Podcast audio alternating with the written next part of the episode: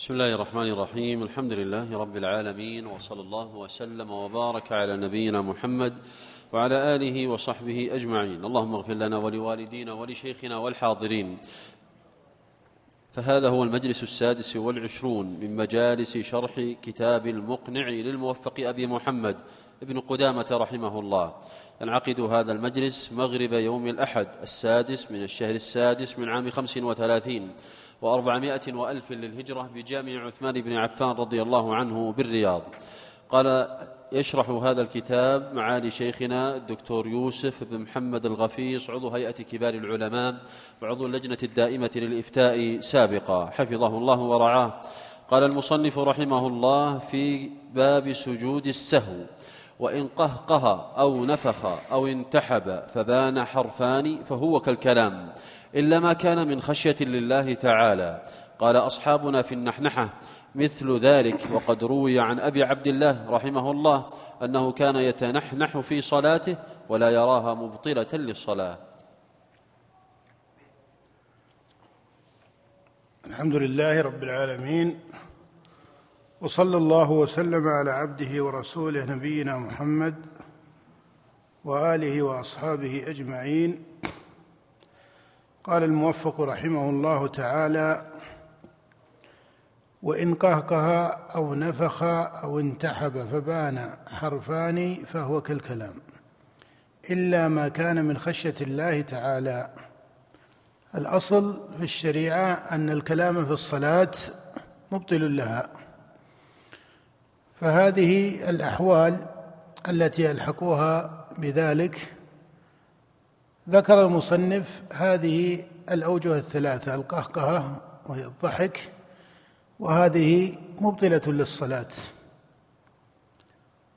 والقهقهة في جملتها مبطلة ولا يلتفت إلى ما كان من الحرف وبيانه فيها لأنها عدول عن حق الصلاة لأنها عدول عن حق الصلاة. فالقهقهة مبطلة للصلاة.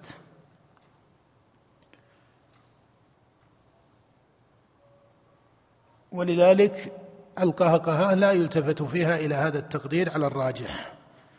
بان حرفان أو لم يبن حرفان فإن القهقهة مبطلة للصلاة لأنها عدول عن مقصود الصلاة.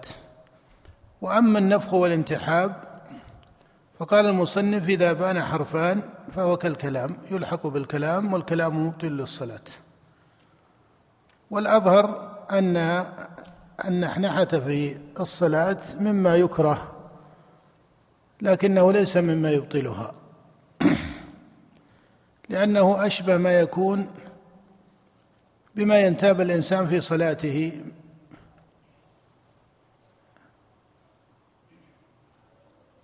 من أثر الزكام ونحوه وهذا يعرض للناس في صلاتهم وما نقل أن الشريعة أو أن صاحب الشريعة عليه الصلاة والسلام بين للناس في ذلك ما يقتضي بطلانا. ولكن النحنحه في الصلاة مكروهة.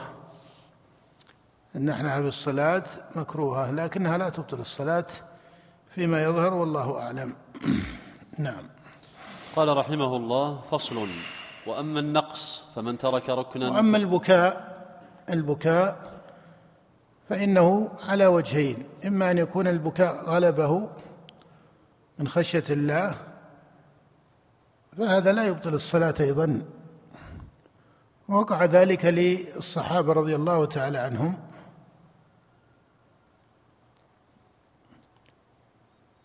ووقع شيء من ذلك وإن كان لم يكن له لم يكن بالحالة التي ذكرت لبعض الصحابة أو لبعض التابعين للنبي صلى الله عليه وسلم وكانت حاله عليه الصلاة والسلام في هذا البكاء أعدل وأكمل ولا شك. بل لم يقع للصحابة رضي الله عنهم فيما حفظ من الروايات ما نقل عن بعض التابعين من شدة البكاء الذي يقع معه نوع من الإعياء والعجز عن القيام أو الإغشاء أو ما إلى ذلك. فهذه أحوال عرضت لبعض العباد زمن التابعين لكنها ليست الأحوال الكاملة وإن الحال الكاملة هي حال النبي صلى الله عليه وآله وسلم. والمقصود أن البكاء إن كان غلبه فإنه لا يبطل الصلاة. وأما إن كان ليس كذلك فهذا محل خلاف بين الفقهاء ونتيجة المسألة أنه ينبغي للإنسان أن يتفطن لهذا إذا كان إماما بخاصة فإنه إنما يبكي إذا غلبه البكاء ولا يتكلف البكاء يرجو اثرا في نفسه أو يرجو اثرا في سامعيه فإن هذا ليس مما يندب إليه ولا مضى به هدي النبي صلى الله عليه وسلم ولا هدي الصحابة رضي الله عنهم. وقد يفعله بعض الأئمة أحيانا قد يتكلف مع أن هذا لا يعين به شخص لأنه من أمور القلب. لكن هي تقرر كمسألة مجردة أن تكلف ذلك لا يصح. بخلاف لو كان خارج الصلاة فإن استدعاءه أهون وربما صادف حالا صحيحة للإنسان. أما في الصلاة فإنه يدع نفسه على استقرارها إلا أن يغلبه. ولهذا غالب صلاة النبي صلى الله عليه وسلم كانت على هذه الصفة. نعم. قال رحمه الله فصل وأما النقص فمتى ترك فمتى ترك ركنا قال فصل وأما النقص لأن بحثه هنا في سجود السهو كما نعرف. فهو ذكر الزيادة وأحكام الزيادة وما التحق بهذه الأحكام. ثم ذكر السبب الثاني لسجود السهو وهو النقص في الصلاة. النقص في الصلاة وأنت تعلم أن ما يلزم في الصلاه أو أن ما شرع في الصلاة تعلم أن ما شرع في الصلاة ثلاثة إما ركن وإما واجب وإما مستحب. فأما الركن فلا يجبره سجود السهو. الركن لا يجبره سجود السهو. والمستحب لا يشرع له سجود السهو. وإنما يشرع سجود السهو بل يجب لترك الواجب.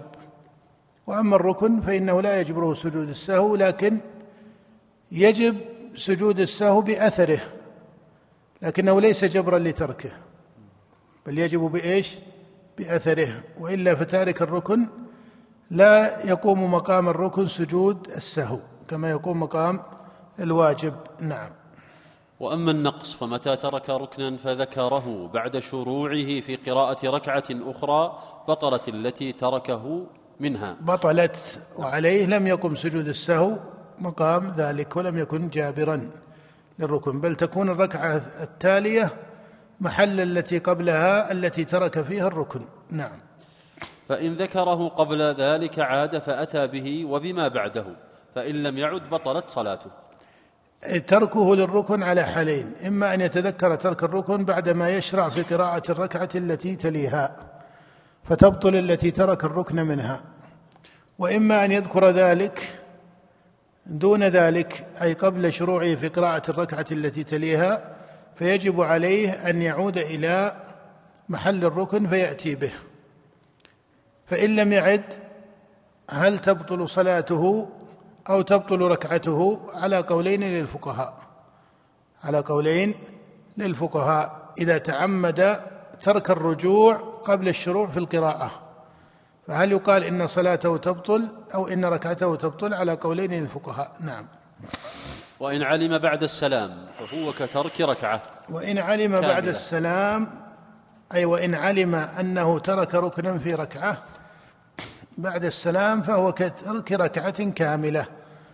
وهو كترك ركعة كاملة. فلو تذكر بعد السلام أو ذكر أنه ترك سجدة من ركعة أتى بركعة كاملة ولا يأتي بسجدة. وهكذا. نعم. وإن نسي أربع سجدات من أربع ركعات وذكر في التشهد سجد سجدة فصحت ركعة له سجد سجدة فجبر الركعة الأخيرة لأنه محله يمكنه أن يدركه فتصح الركعة الأخيرة ويسجد للسهو في آخر الصلاة ويأتي قبل ذلك بثلاث ركعات. نعم وعنه وعنه تبطل صلاته. وعنه تبطل صلاته. وعنه تبطل صلاته. وهذا هو الأظهر إذا توالى ترك الركن بطلت الصلاة وهذه حال نادرة الوقوع. نعم. وإن نسي التشهد الأول ونهض لزمه الرجوع ما لم ينتصب إذن ذكر هنا ترك الركن. وتبين أن ترك الركن لا يجبره إيش؟ سجود السهو لكن يعمل ما قرره الفقهاء هنا بما اقتضته نصوص الكتاب والسنة من القواعد أو النصوص المفصلة ويسجد للسهو ويسجد للسهو في الصورة التي سبقت. فإذا عاد إليه سجد للسهو. كان قبل الشروع في القراءة ومثله إن شرع في القراءة بطلت الركعة وقامت التي بعدها مقامها وسجد للسهو. هذا في ترك الركن وما يكون من الحكم فيه. الذي بعد في ترك الواجب قال وإن نسي التشهد الأول. سبق معنا أن التشهد الأول في مذهب الإمام أحمد من الواجبات في الصلاه وليس من ليس من الأركان ولا من السنن. والقول الثاني أنه سنة لكن على ترتيب المذهب أنه من واجبات الصلاة قال وإن نسي وهو الراجح. قال وإن نسي التشهد الأول ونهض. لزمه الرجوع ما لم ينتصب قائما. يعني إذا كان في أثناء الانتقال من الجلوس إلى القيام يلزمه الرجوع لأنه لم يشرع في الركن. لزمه لزمه الرجوع. وإن استتم قائما لم يرجع. وإن رجع جاز. هذه الحال الثانية. إن استتم قائما لم يرجع وإن رجع جاز بمعنى أن رجوعه في المذهب وهذا ما صرح به كثير منهم أن المذهب أن رجوعه هنا يكون مكروها. يكون مكروها. قال وإن شرع في القراءة أي قراءة الفاتحة لم يجز له الرجوع أي حرم الرجوع. فإذا هي ثلاثة أحوال. ثلاث أحوال. الحالة الأولى إن نسي التشهد الأول وشرع في القيام ولم يستتم قائما فيلزمه الرجوع. فإن استتم قائما ولم يشرع في القراءة كره رجوعه. فإن شرع في القراءة حرم الرجوع. ومذهب الشافعي وهو قول في مذهب الإمام أحمد أنه إذا استتم قائما حرم رجوعه. شرع في القراءة أو لم؟ أو لم يشرع. لأنه تلبس بالركن. لأنه تلبس بالركن. ما الدليل على هذه المسألة؟ الدليل على هذه المسألة ما جاء في حديث المغيرة بن شعبة رضي الله عنه أن النبي صلى الله عليه وسلم قال إذا قام أحدكم في الركعتين أي ترك التشهد الأول فلم يستتم قائما فليرجع فإن استتم قائما فلا يرجع وليسجد سجدتين. وحديث المغيرة هذا جاء مرفوعا إلى النبي صلى الله عليه وسلم وجاء من فعل المغيرة ثم قال هكذا صنع رسول الله صلى الله عليه وسلم كما صنعت. هكذا صنع رسول الله صلى الله عليه وسلم كما صنعت وهو أعني حديث المغيرة أقوى حديث في الباب. وضعفه كثير من الحفاظ رواه أبو داود وابن ماجه وغيرهما وضعفه كثير من الحفاظ. قالوا لأن مداره على جابر الجعفي وهو ضعيف بالمتروك الحديث.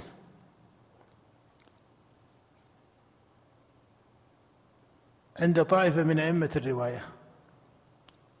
وهذا الإطلاق بأن مداره كما ذكر الحافظ بن حجر رحمه الله في التلخيص بأن مداره على جابر الجعفي فيه نظر.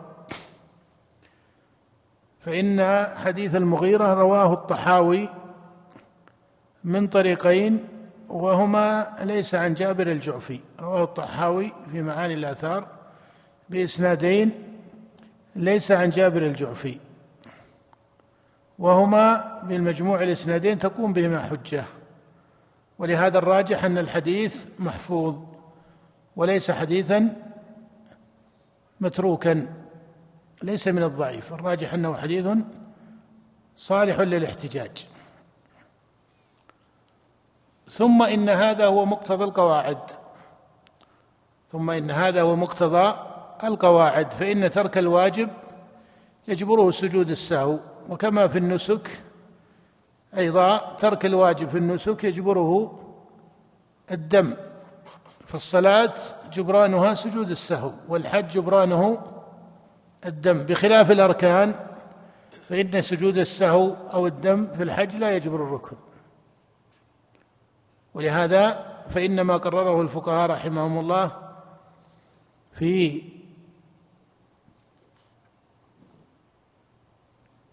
المناسك من أن من ترك واجبا فإن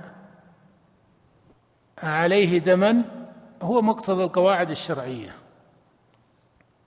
وهو الذي ورد به الأثر عن عبد الله بن عباس رضي الله عنهما أنه قال من ترك نسكا فليهرق دما وعامة الأئمة على العمل بهذا الأثر عن ابن عباس.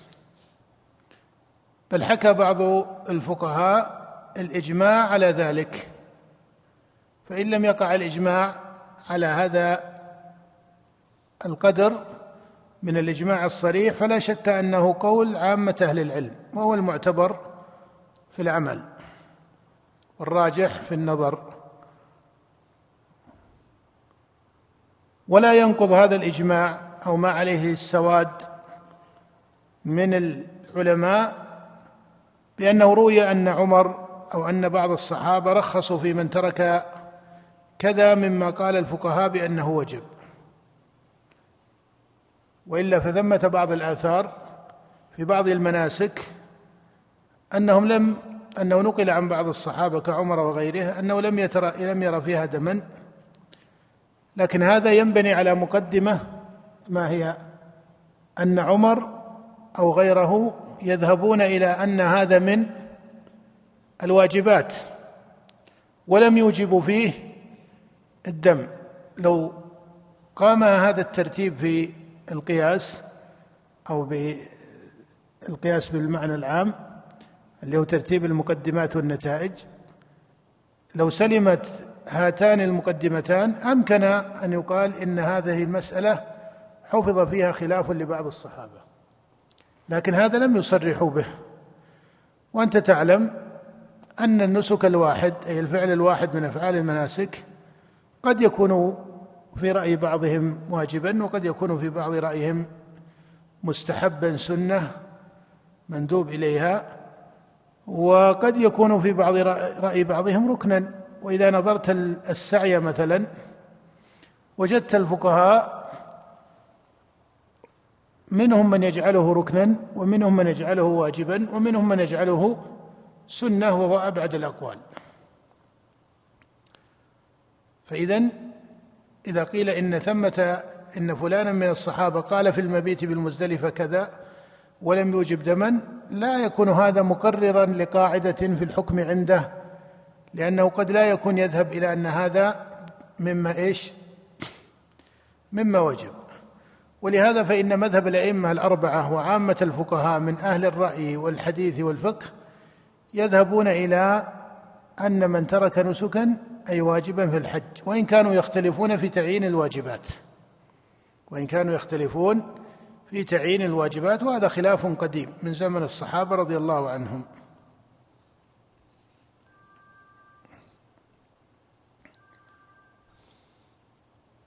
المقصود هنا أن مقتضى قواعد الشريعة هي على هذا الترتيب أن الواجبات العبادية تجبر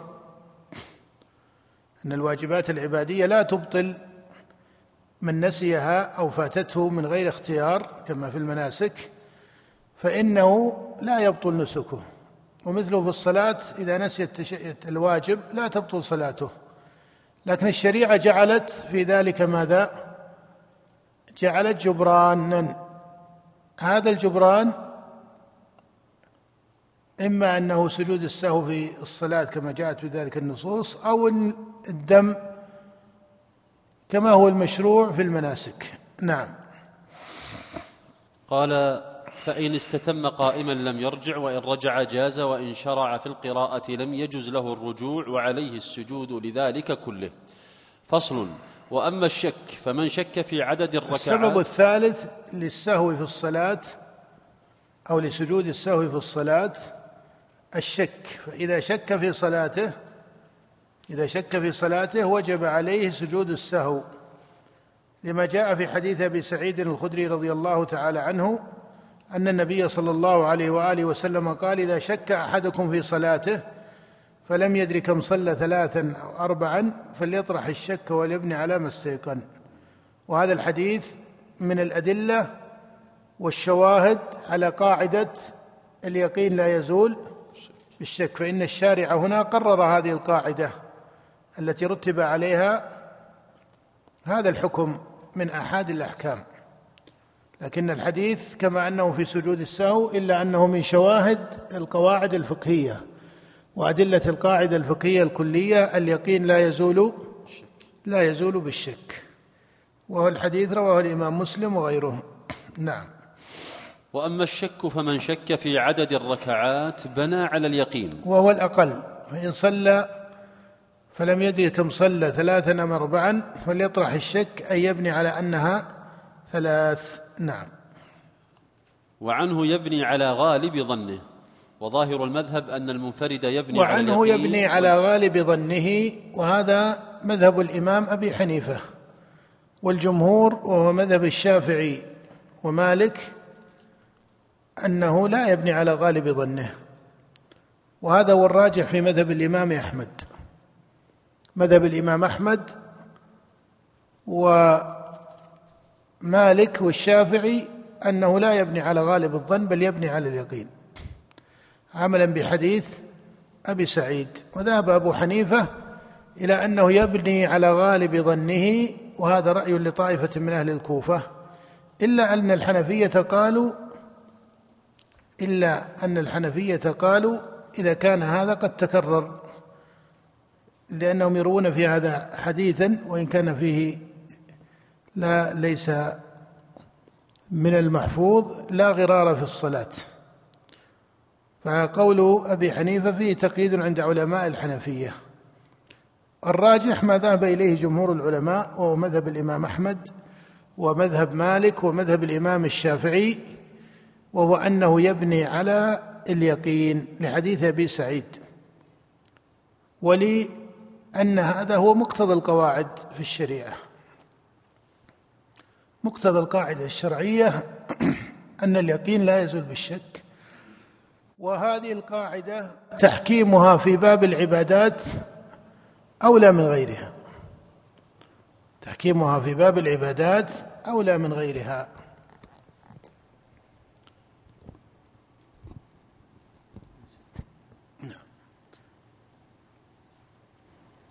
وثمة رأي ثالث ذكره الموفق رحمه الله قال وظاهر المذهب أن المنفرد يبني على اليقين والإمام على غالب ظنه. والإمام يبني على غالب ظنه. هذا الرأي الذي ذكره الموفق رحمه الله نسبه إلى ظاهر المذهب. وهذا خلاف رأي جمهور الأصحاب رحمهم الله. والراجح أن المذهب عند جماهير الأصحاب أنه يبني على اليقين. وأما التفريق بين الإمام والمنفرد فلا يتجه لأن الإمام كما نعلم إن سبح به اثنان فأكثر لزمه إيش؟ لزمه الرجوع وإن كان دون ذلك لم يعتبر لم يعتبر لا يلزمه الرجوع بقول الواحد كما سبق في حديث ذي اليدين. فإن النبي لم يعمل بقول ذي اليدين وحده حتى رجع إلى أبي بكر وعمر. ولو كان يكفي ذلك أي قول الواحد لما زاد وهو في أمر صلاته. لما زاد وهو في أمر صلاته. وأما حديث عبد الله بن مسعود رضي الله تعالى عنه أن النبي صلى الله عليه وسلم قال أو جاء الأذان أذن أذن يا شيخ. باقي؟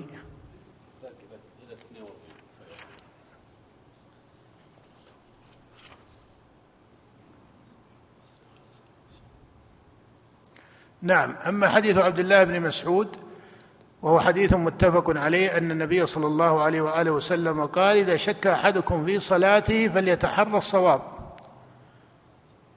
وفي رواية لمسلم فلينظر أي ذلك أقرب إلى الصواب. فهذا هو الذي استدل به الحنفية وحمله الموفق وطائفة من أصحاب أحمد حملوه على الإمام.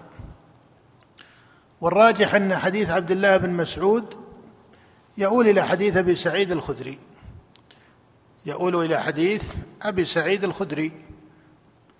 وأن تحري الصواب المقصود به إيش؟ العمل باليقين. العمل باليقين.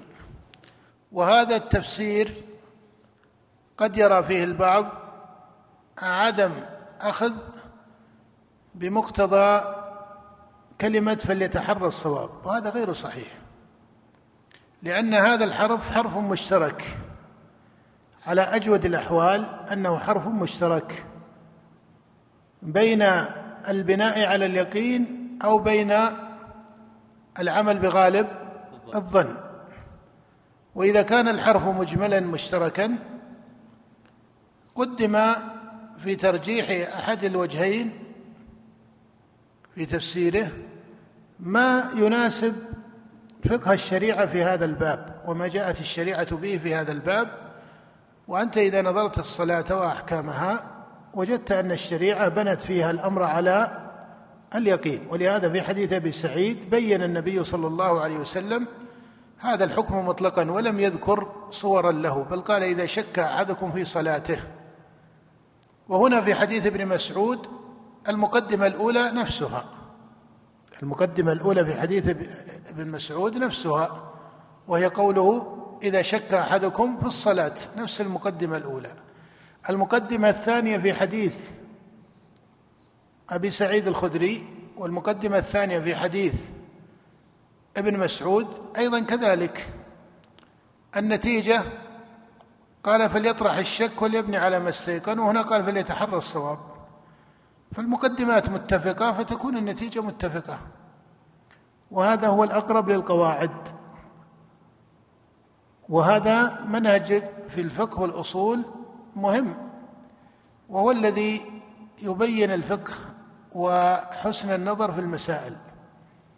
أنك تنظر في دلالة الاسم من حيث هو معين ومجرد عن السياق. فتنظر في المقصود بالشك المقصود بالتحري من حيث هو معين. وتنظر في إيش؟ النظر الثاني في دلالة السياق. وتنظر في مقتضى القواعد. إلى غير ذلك هي جملة من الأوجه سبقا أشرت إليها في شرح الأصول في مجالس الأصول. فإذا اجتمعت هذه الأوجه من النظر الفقهي امتاز الترجيح على وجهه المناسب. فإن قوله فليتحرى الصواب ليس نصا في البناء على غالب الظن كما يتوهم البعض. وإنما هو مجمل مشترك بين هذا المعنى وبين العمل باليقين. ولما احتمل فإن الترجيح بما تقتضيه القواعد من جهة وبما يقتضيه النص الصريح الآخر في حديث أبي سعيد من جهة فورود حديث أبي سعيد وكون هذا قاعدة كلية في الشريعة يجعل الوجه الذي يفسر التحري بالبناء على اليقين أقوى من تفسيره بالبناء على غالب الظن. ثم إنك إذا نظرت وجدت أن الشريعة لا تعتمد على غالب الظن في الصلاة مع إمكان مع إمكان إيش؟ مع إمكان اليقين. فإن قيل فإن الشريعة اعتبرت غلبة الظن في الصلاة في مسألة القبلة فإنه يتحرى إذا اشتبهت عليه ولم يجد محاريب كما يقول الفقهاء الإسلامية إلى آخره. قيل المحل الذي الشريعة في أمر الصلاة اعتبرت في غالب الظن لا يوجد إيش؟ لا يمكن العمل باليقين. لكن هنا يمكن العمل باليقين أو لا يمكن؟ هنا يمكن العمل باليقين. هنا يمكن العمل باليقين. ولهذا فإن الراجح في مذهب الإمام أحمد رحمه الله أن الصلاة سواء كان منفردا أو إماما فإنه يبني على اليقين متى ما شك في صلاته لأنه في حديث أبي سعيد في حديث ابن مسعود المتفق عليه قال إذا شك أحدكم في الصلاة فكلاهما إيش؟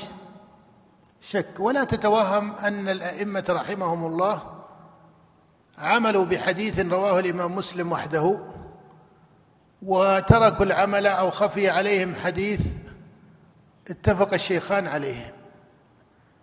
لكن حديث أبي سعيد حديث نص في بابه وهو على ترتيب القاعدة الشرعية حديث ابن مسعود فيه حرف فيه إجمال فيرد هذا المجمل إلى المبين والمبين هنا القواعد في الصلاة والنص الآخر اللي هو حديث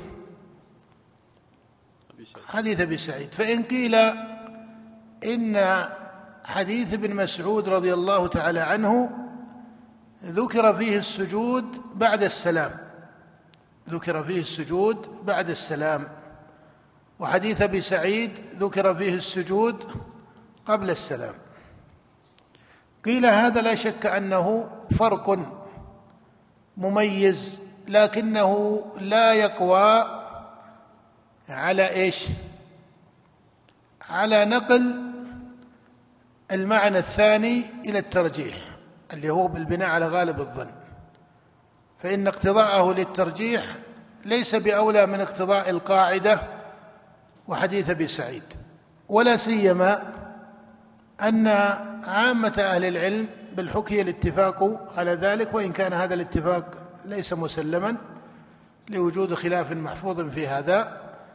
لكن الجماهير من أهل العلم يرون أن سجود السهو وكونه قبل السلام أو بعده أنه مبني على الندب والتوسعة ليس مبنيا على الوجوب ليس مما يجب بل هذا مما يستحب.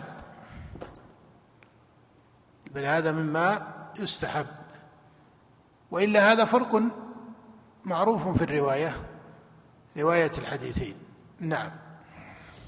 قال رحمه الله وظاهر المذهب أن المنفرد يبني على اليقين والإمام يبني على غالب هذا في اجتهاد الموفق أنه ظاهر المذهب لكن أكثر الأصحاب يقولون المذهب ليس كذلك بل المذهب البناء على اليقين مطلقا. وهذا هو القول الراجح والله تعالى أعلم أن الراجح في الصلاة أن لا يخرج منها إلا بيقين وهذا مقتضى القواعد. والقواعد إذا عضدتها بعض النصوص الصريحة ما قدم عليها معنى محتمل في نص. القواعد إذا عضدت اجتمعت يعني لم لا لا لا النصوص الصريحة ما دلت على الاستثناء بل دلت على أن هذا المحل يضطرد والقاعدة أو لا يضطرد قاعدة اليقين لا يزول بالشك معروفة بأدلة من القرآن والسنة.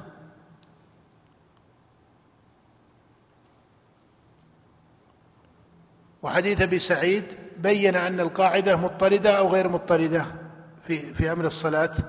مضطردة. وهذا هو من أخص محلها. فلا يترك هذا الاضطراد المصرح به في نص صريح. بل لو لم يرد حديث أبي سعيد الخدري لكان العمل بالقاعدة قائما. ولهذا ثمة فروع كثيرة في الصلاة وفي الطهارة تبنى على قاعدة اليقين لا يزول بالشك. فلا يترك هذا النص المؤكد لاضطراد القاعدة في هذا المحل. النص المؤكد اللي هو حديث أبي سعيد فهو نص صريح. وسنة نبوية صريحة بينة لا يترك لا نقول لا يترك لحديث. هذا خطأ لأنه يلزم عليه أن الأحاديث تتعارض. أليس كذلك؟ لا نقول لا يترك لحديث. هذا ضرب السنة بعضها ببعض لا يصح ولا يقول به فقيه. إنما نقول لا يترك لمعنى محتمل في حرف أو رواية عن النبي صلى الله عليه وسلم هو معنى محتمل ولا شك فليتحرى يحتمل أنه يبني على غالب الظن ولوجود هذا هذا الاحتمال قال طائفة من الفقهاء به أليس كذلك؟ لأن كلمة فليتحرى تدل على إيش؟ الاحتمال لكن هل هي نص في البناء على غالب الظن؟ هنا يأتي تميز الفقيه من غيره فالبعض يقول حديث ابن مسعود صريح في البناء على غالب الظن. لا ما هو بصريح. من حيث اللغة العربية ليس صريحا. فيه فليتحرى الصواب. يقصد إلى الصواب. تقول تحريت الهلال إيش؟ ماذا؟ تحريت الهلال قصدت إلى رؤيته. يقصد إلى الصواب. ما هو هذا الصواب؟ يقال هذا القدر من الإجمال يفسره القواعد والحديث الصريح الآخر فليطرح الشك وليبني على ما استيقن. تفسيره بأن التحري هنا البناء على غالب الظن نقول هذا ليس منكرا بل هو معنى محتمل لكن فرق بين كونه معنى اجتهادي يحتمله النص وبين كونه صريح النص. فلو كان صريح النص ما جزت مخالفته ولا أمكن وروده يخالف الرواية الأخرى إلا أن يحمل هذا على حال كما قال الموفق هذا للمأموم وهذا للمنف... هذا للإمام وهذا للمنفرد ونحو ذلك. لا يمكن ان أن الشارع عليه الصلاة والسلام يأتي بأمرين أحدهما يكون معارضا للآخر ابدا. هذا لا يقع في الشريعة. إلا أن يكون ثمة رفع وهو النسخ. وهو النسخ هذا باب معروف. وما عدا ذلك فلا بد أن في أحد السياقين ما يميز مقتضاه عن الآخر. ما يميز مقتضاه عن الآخر. فإذا هذا مما ينبغي التفطن له. وهو أن طالب العلم يعتني في فقهه بتمييز ما يسمى من الدلالة الصريحة وما يكون من الدلالة الظاهرة وما يكون من الدلالة التي دون الظاهرة. ولا يتوهم بمقتضى نظر يسير أن هذا من الصريح وهو عند العلماء ليس كذلك. أو من الظاهر وهو دون ذلك. وهكذا. فمعرفة رتبة الدلالة هذا من فاضل الفقه. نعم. قال رحمه الله فإن استويا عنده بنى على اليقين ومن شك في ترك ركن فهو كتركه وإن شك في ترك واجب فهل يلزمه السجود على وجهين وإن شك في زيادة قال ومن شك في ترك ركن فهو كتركه. أي أنه يعمل من باب البناء على اليقين. يعني كما أن الشريعة أمرت في من شك في الركعة كاملة أن يبني على اليقين فكذلك من شك في الركن منها. قال وإن شك في ترك واجب فهل يلزمه السجود على وجهين؟ أي وجهان للأصحاب في ذلك. نعم. والراجح أنه يسجد. والراجح أنه إذا شك في ترك الواجب يسجد له. وهذا هو الراجح في مذهب الإمام أحمد واختيار القاضي أبي يعلى. نعم. وإن شك في زيادة لم يسجد. قال وليس على ونعم وإن شك في زيادة لم يسجد. إذا شك في الزيادة فإنه لا يسجد. نعم. وليس على المأموم سجود سهو إلا أن يسهو إمامه فيسجد معه. وليس فإن على المأموم سجود سهو إلا أن يسهو إمامه فيسجد.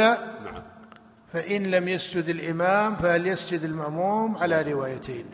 المأموم لا يسجد للسهو إلا أن يسهو الإمام فإذا سهى الإمام في صلاته وسجد لما يوجب سجود السهو وجب على المأموم متابعته. فإن لم يسجد الإمام لما يجب السجود له فهل يسجد المأموم أو لا يسجد؟ على روايتين الراجح منهما على روايتين هما قولان للفقهاء الراجح من هذين القولين أن المأموم يسجد إذا لم يسجد الإمام لما يجب له السجود لأن الإمام بتركه السجود لما يجب له جهلا. والسجود يكون عقب السلام فلا يكون مؤثرا في متابعة والافتيات على إمامه. نعم. قال رحمه الله فصل وسجود السهو لما يبطل عمد عمده الصلاة واجب وسجود السهو لما يبطل لما يبطل نعم. عمده الصلاة واجب. سجود السهو لما يبطل عمده أي ما كان عمده يبطل الصلاة. كما لو زاد واجبا فيها كما لو زاد فعلا في صلاته فإن هذه الزيادة لو زاد ركنا فإن هذا التعمد لو زاد السجود إلى ثلاث سجود سجدات هذه زيادة في الأركان. أو زاد في الواجب الفعلي كسجود كالتشهد الأول في مذهب الإمام أحمد فإنه واجب. فسجود السهو لما يبطل عمده الصلاة واجب. هذا ضابط مضطرد في المذهب. ومحله قبل السلام نقف على قول المصنف ومحله قبل السلام إلى آخره لأنها مسألة ذات عناية وتفصيل. وبالله التوفيق وصلى الله وسلم على نبيه وعبده ورسوله محمد. اللهم صل وسلم.